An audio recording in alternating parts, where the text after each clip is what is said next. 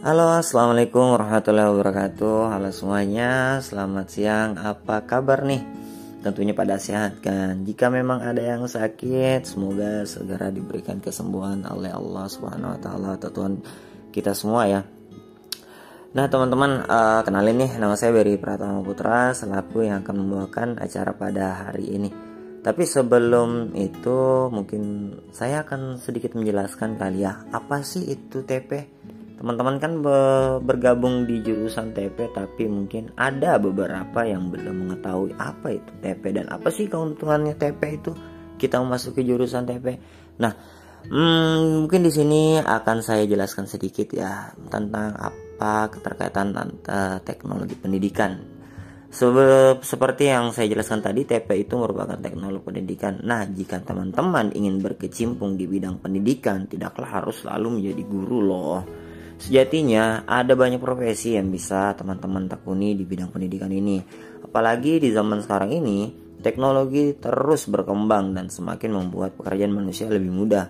Nah, kalau kamu atau teman-teman semua menyukai bidang pendidikan sekaligus teknologi, jurusan TP atau teknologi pendidikan bisa menjadi pilihan teman-teman sekalian. Jurusan teknologi pendidikan merupakan jurusan yang mempelajari tentang pengembangan kurikulum pendidikan, uh, pemanfaatan teknologi dan lain sebagainya bagi dunia pendidikan.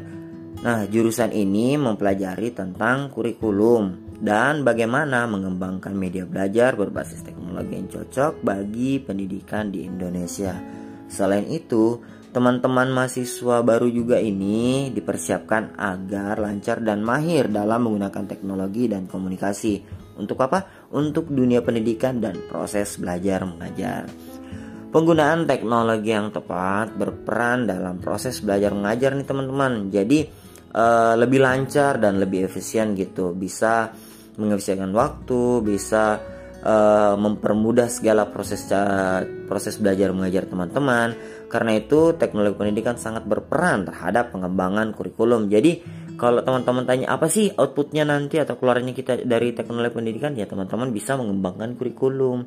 Semua kurikulum yang di Indonesia nggak lepas juga itu dari teknologi pendidikan. Nah menggunakan teknologi dalam pengembangan kurikulum akan membuat kurikulum menjadi lebih relevan bagi para peserta didik untuk meraih hasil belajar yang lebih maksimal mungkin itu ya sedikit perkenalan dari jurusan teknologi pendidikan.